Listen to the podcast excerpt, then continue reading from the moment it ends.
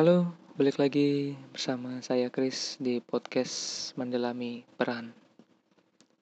Dalam kali ini saya ingin bicara tentang pengalaman yang cukup menarik dan mungkin bisa jadi referensi bagi kalian yang mungkin sekarang ini atau kemarin-kemarin sedang mengalaminya. Ini hal ini didasari oleh beberapa hal yang cukup terjadi dan banyak juga terjadi dalam kehidupan sosial ya apalagi di lingkungan pertemanan.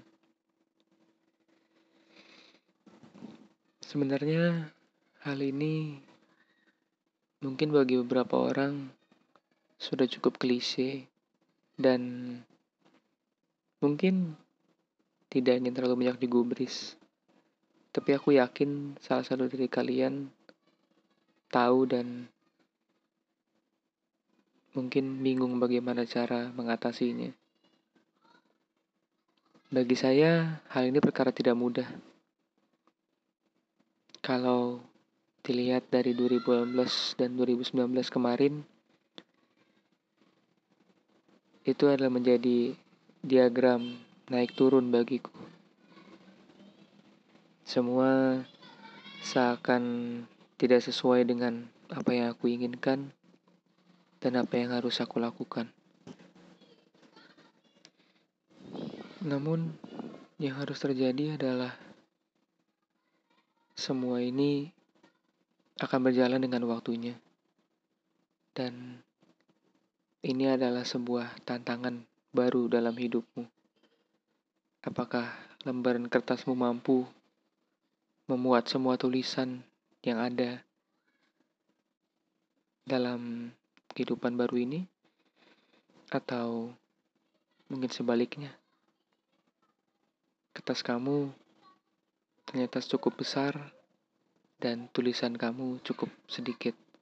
Bahkan kamu tidak punya tulisan sama sekali untuk diguratkan di selembar kertas itu. Hal ini sangat berpengaruh sebenarnya untuk saya yang orang yang melankolis atau mungkin kalian juga yang orangnya melankolis dan cukup apatis dalam beberapa hal pertengkaran. Hmm.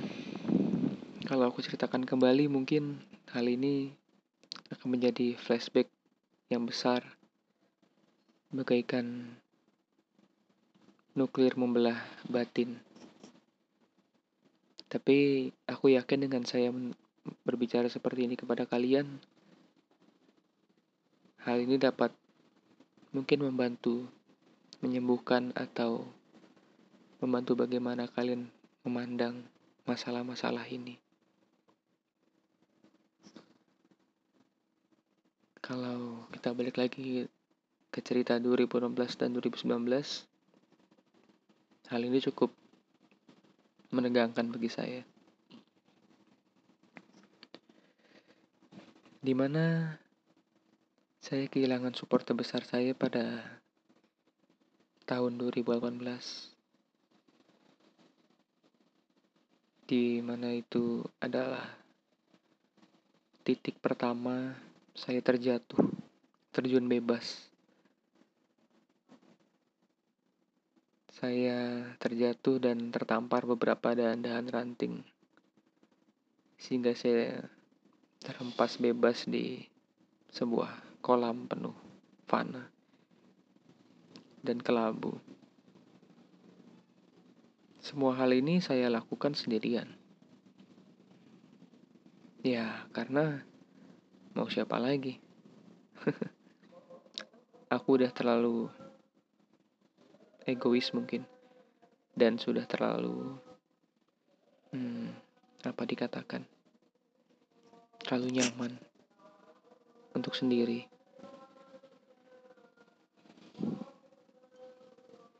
Sebenarnya hal ini bisa saya ringankan dengan cara bercerita terhadap orang lain. Tapi saya tidak mau. Karena mungkin saya dan beberapa dari kalian juga punya beberapa masalah dengan cerita dengan orang. Dulu saya sempat menganggap bahwa orang lain itu adalah peralihan dalam kisah hidupku yang terlanjur terlampu dan mungkin cukup biru. Namun setiap saya bercerita terus-terusan, setiap saya mengatakan apa pun yang saya rasakan terhadap mereka ataupun orang lain,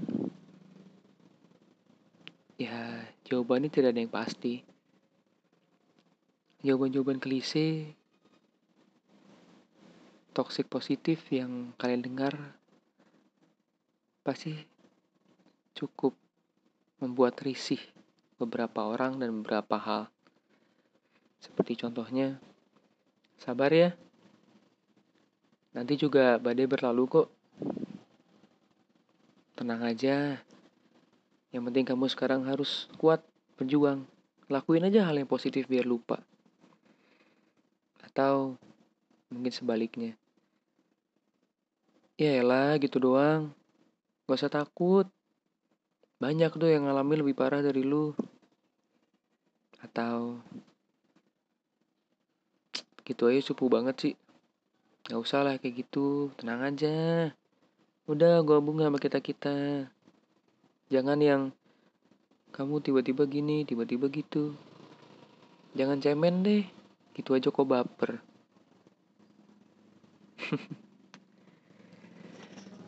Kata-kata itu sudah melekat dalam diriku sehingga sepertinya mengatakan itu saja seperti sebuah cemilan bahkan makanan sehari-hari. Rasanya seperti tidak, tidak ada yang peduli juga. Dan apa pun yang saya ceritakan terhadap mereka apa untuk mereka ya hilang begitu saja. Dan aku tahu mereka itu sebenarnya tidak ingin membantu. Tapi mereka ingin tahu apa yang terjadi dalam dirimu dan mungkin menjadi bahan perbincangan untuk teman-temannya. Saya tahu itu terjadi kok. Tidak usah saling menyalahkan. Saya sudah tahu. Dan jujur, saya cukup takut untuk membuat podcast ini. Karena saya tahu bahwa setelah ini Pasti banyak yang dari kalian atau mungkin tanda kutip teman tertentu akan membicarakan di dalam grupnya atau jaringan pribadi bersama teman-temannya. Diolok-olok lah saya.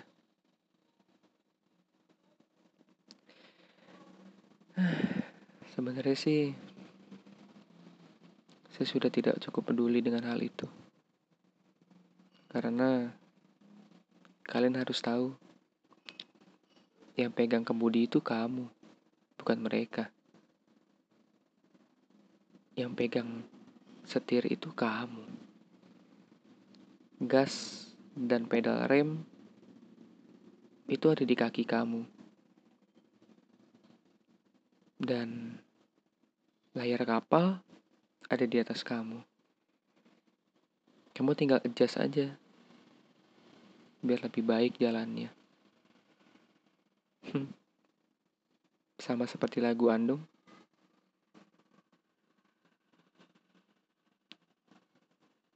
Pengemudi berjalan dengan fokus, tidak peduli apa ramai di belakang, namun dia mengemudi biar baik jalannya.